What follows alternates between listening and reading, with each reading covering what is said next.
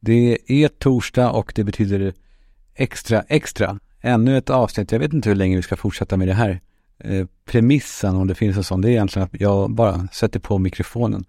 Drömmen är att starta en, eh, som en eh, Karlavagnen, ett direktsänt program där man får ringa in och prata förtroligt. Vore inte det härligt?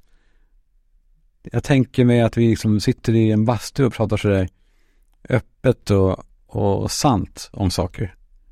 Eh, det skulle jag vilja göra. Ni kanske vet hur man gör. Jag vet inte hur man gör. Kan man sända live ens? Då måste man göra via YouTube och sånt kanske.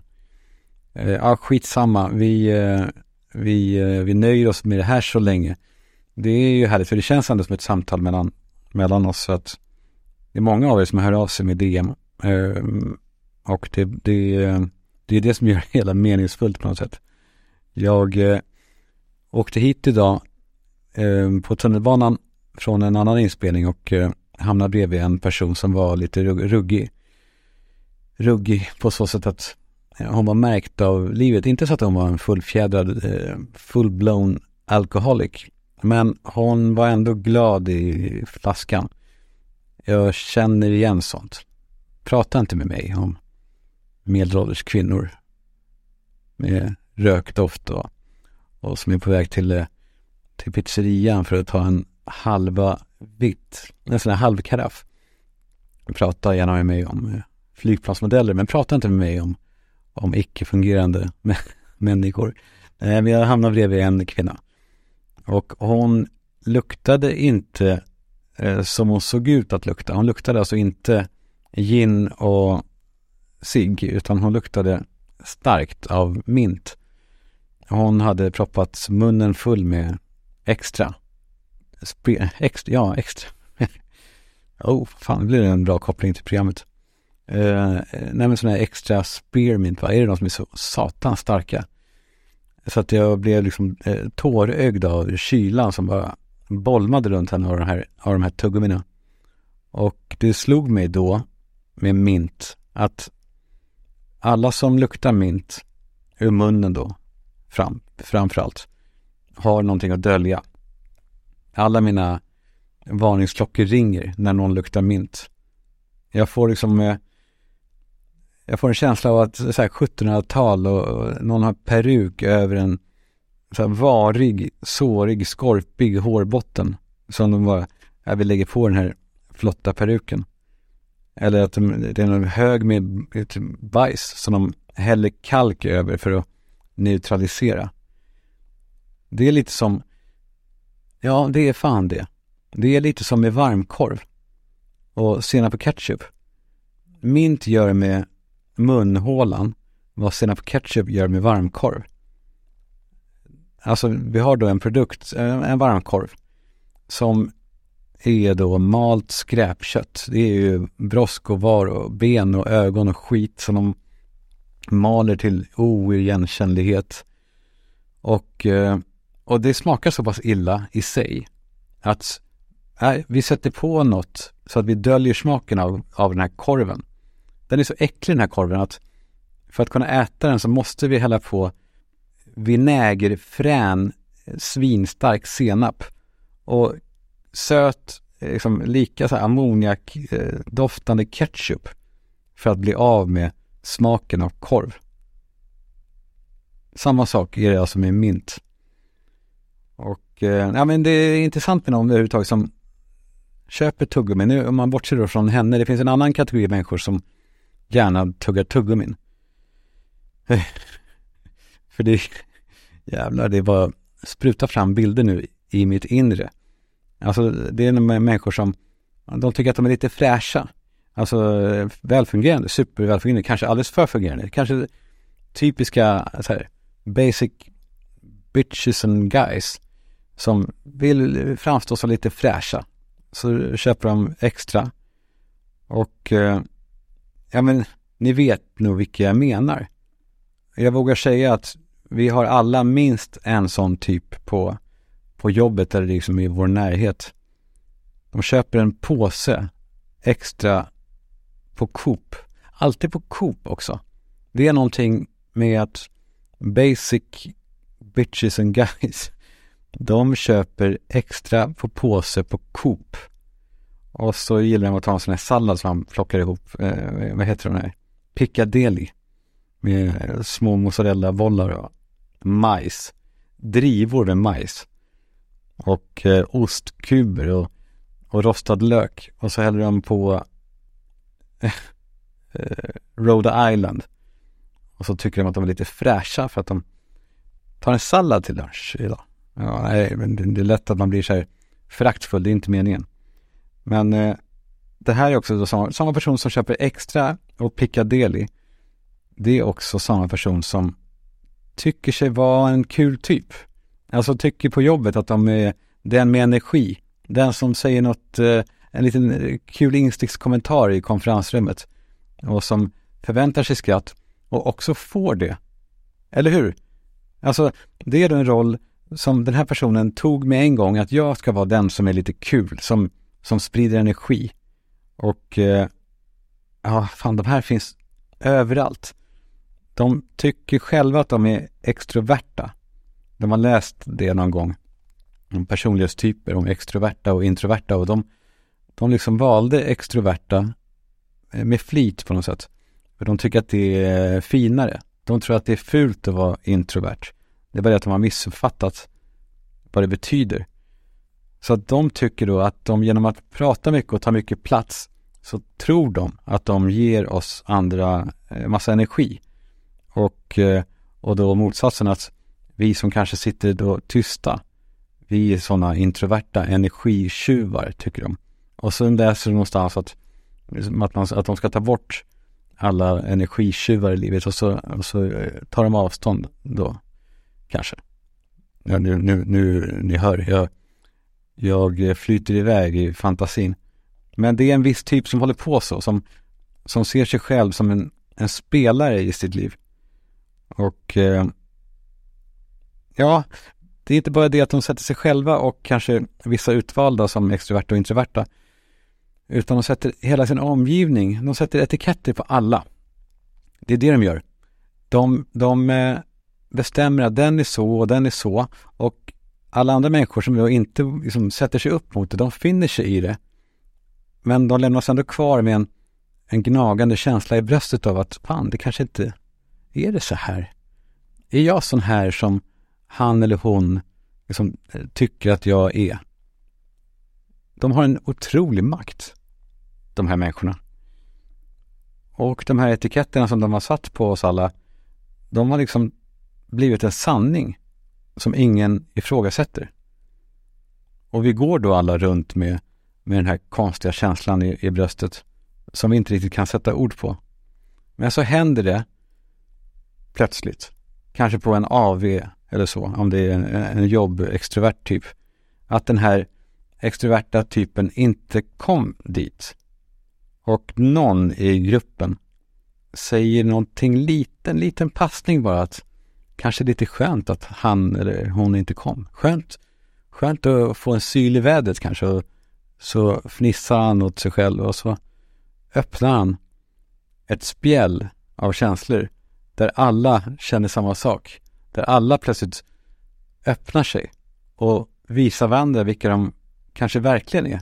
Bortom den här stämpeln som de har fått av den här extroverta jävla idioten som går runt och sätter stämplar. Jag har varit med vid någon sån där AV och eh, det är stora saker som händer alltså.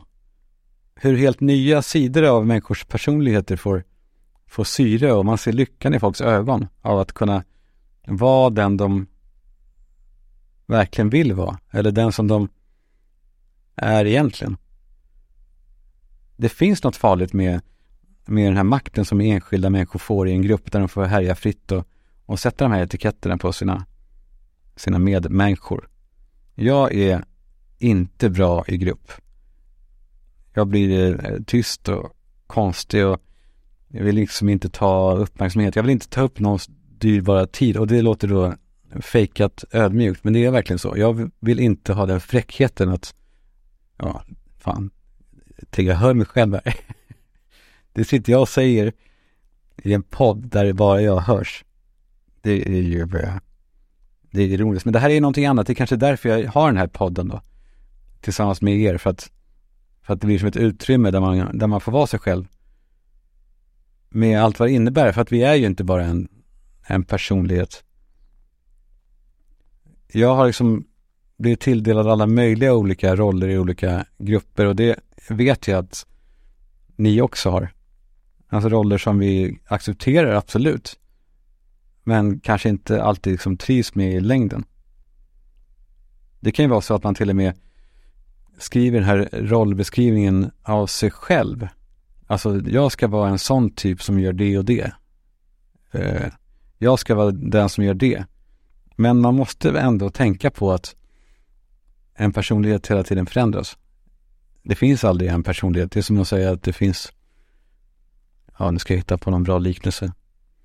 Men eh, det jag menar är att det är föränderligt. Det finns bara kanske en absolut freeze frame av en personlighet, men det är bara där och då. I övrigt så rör det ju på sig. Och mest tydligt blir det kanske när man, som jag då, eh, plötsligt sätter sig ensam i ett rum och försöker definiera vem man är eller vad man tycker, vilken person man är, hur man, hur man, eh, är jag en sån som gör det och det? Och hur det också går upp för en då att fan, jag är, är ingenting eller jag är allting. Jag är, vet inte vad jag är för person. Jag vet inte hur, hur jag ska vara. Och det är ju ändå en frihet som är kanske lite läskig också i och för sig. Eh, för att det, ja, men det är ändå bättre än att känna sig låst med den där gnagande känslan av att, av att agera som något man inte är och bli behandlad som något man inte är. Det är förminskande va? Det är det ju. Är jag verkligen en sån som gillar fotboll? Är jag verkligen en sån som gillar fotboll? Det kanske man ska fråga sig. Jag eh, eh, frågade mig själv just den frågan. Och jag är inte en sån som gillar fotboll särskilt mycket. Eller är jag en kvinna som är gift med en sån här man? Är, är jag den kvinnan som är gift med den mannen som har det på det här sättet? Ja, jag tycker vi ska tänka på det här och ifrågasätta oss själva, både rollen vi själva spelar och, och rollen de andra behandlar oss som. För då kan vi säga till våra barn med eftertryck, alltså och säga då med handen på hjärtat att, att de ska vara sig själva. Att det är det enda, enda sättet. Och inte bli sådana som ger negativa råd i efterhand om att eh, om vad de inte ska göra. Bli inte som jag, gör inte det misstaget. Eh, för den typen av råd är bara trassliga. Jag läste i DN en krönika av Emma Bouvin, Bouvin, Bo, hur det nu uttalas, Bo, det stavas B-O-U-V-I-N, Bouvin. Jag vill inte vara, nej, det kanske är jättefel. Eh, men det var en krönika som handlade om att hennes dotter stod framför halsspegeln eh, med galonisar på sig och hon tittade på sig själv i spegeln och så sa hon att hon kände sig tjock i de här kläderna och att hon ville byta. Och den här Emma då, skribenten, gillar inte alls det och, eh, och skriver då en krönika om det om den här tiden vi lever i med utseendehets. Och hon skriver så här. Min mamma är bäst. Hon skriver det om sin mamma då. Min mamma är bäst, men under hela min uppväxt så pratade hon om hur tjock hon var. Jag vet inte om det hänger ihop. Jag tror att samhällsnormen hade fångat mig ändå. Jag försöker göra annorlunda. Även om jag inte lyckas med mina egna kontrolldemoner så behöver det inte vara kört för nästa generation. Och det här får mig att tänka på när Tom Allan, min son, var väldigt liten och det åskade ute. Och jag ville inte att han skulle vara rädd för åskan, så varje gång det åskade så började jag tjoa och simma och dansa och hoppa. Oj, oj. Jag, bara, jag tänkte det här, jag ska göra något kul av det. Så att han inte började gråta. Vilket då resulterade i att han blev livrädd för åskan. För varje gång det åskar så blir pappa helt jävla knäpp. Lite samma sak är det kanske med, med det här. Om, om barn och utseende och, och, och vikthets. Kanske är det så. Kanske är det så att vi inte ska prata mer om vikt och den här utseendehetsen utan mindre. Vi ska prata mindre om vikt och utseende, inte mer. Ja, det jag menar är att även om man skriver en krönika som, är, som kritiserar utseendehetsen och vikthetsen eh, så väcker man ju ämnet till liv. Man befäster den här bilden av att det är fult och fel att vara eh, lite större. Alltså, vi fortsätter att bete oss som att vi lägger värderingar i saker och ting. Och det är såklart att det går över till barnen. Eller hur? Det är ju fan vi som väcker tanken och liksom lägger värderingar och ser upp till smala och framgångsrika och, och ser det som liksom eftersträvansvärt. Men det handlar ju bara om att, ja, vi blev skadade på 80-90-talet. För då pratade de ju i reklamfilmerna, eh, ja, den mest kända är ju den här för lätta, om du bestämt dig för att inte bli fet. Vilket ju var liksom en, en, en, en jävligt starkt budskap. Där fet var fult. Vi är trasiga, vi är fakt, vi är körda. Vi kommer alltid då hata oss själva. Men så länge vi, vi med, med det här frenesin trycker det på våra barn, att det är, fint att vara eh, stor. Man laddar ju upp ämnet, man blir som en jävla defibrillator som står och gnuggar de här metallplattorna och, och zoom, sprutar in i barnen. Att, att det, man får se ut som man vill. Och de bara, jaha, eh, varför skulle man inte få det? Eh, tills de då börjar fatta att, jaha, man får alltså inte se ut som man vill. Mamma och pappa tycker att det är fult att vara på ett visst sätt. Och de står och skriker om att det inte är det, vilket betyder att det finns ett case där. Och när vi säger att man ska sluta skamma de som är tjocka och alltså för ändå en tioåring som är smal så blir det så här, så man kan skamma tjocka. Tack för tipset, pappa. Eller farbror. Eller mamma. Eller vem det nu är. Jag var inne på det häromveckan att tjejer vill gärna bli så smala att andra tjejer snackar skit om dem och, och påstår att de är sjuka och så. Jag tycker det, det, kan man för all del fortsätta med. Alltså att, att ös skit över de som är smala. För de är glada ändå. Så låt dem vara glada. Vi får glädjen då, eller ni, eller den som gör det, att, av att få ur sig aggressionen. Och barnen, de fattar inte ironi på det sättet. Så eh, alla vinner kanske då. Ja, fast när jag hör det nu, det, nej, låt oss inte ens prata skit om de som är supersmala. Låt oss bara inte prata om vikt eller utseende överhuvudtaget. Det är klart att det skulle vara bättre än att stå och skrika om hur fel det är att prata om vikt. Snacka om att väcka björnen. Jag vet inte. Jag vet faktiskt inte. Jag har haft fel förr. Eh, och jag tror också att jag skulle ha svårt att få igenom den här, den här idén om att, om att sluta prata om det helt. Eh, även om jag har jävligt rätt. Ja. Eh, hörni, vi eh, hörs väl igen på tisdag i ordinarie extra och på onsdagar i eh, Humorpodden, eh, Bord för tre, som finns på Spotify och Podcaster. Men på Spotify, Spotify, eh, det här ska jag egentligen klippa bort. Men jag måste sticka, nämligen, till bussen och hämta ett av mina barn. Eh, det finns på Spotify, där är det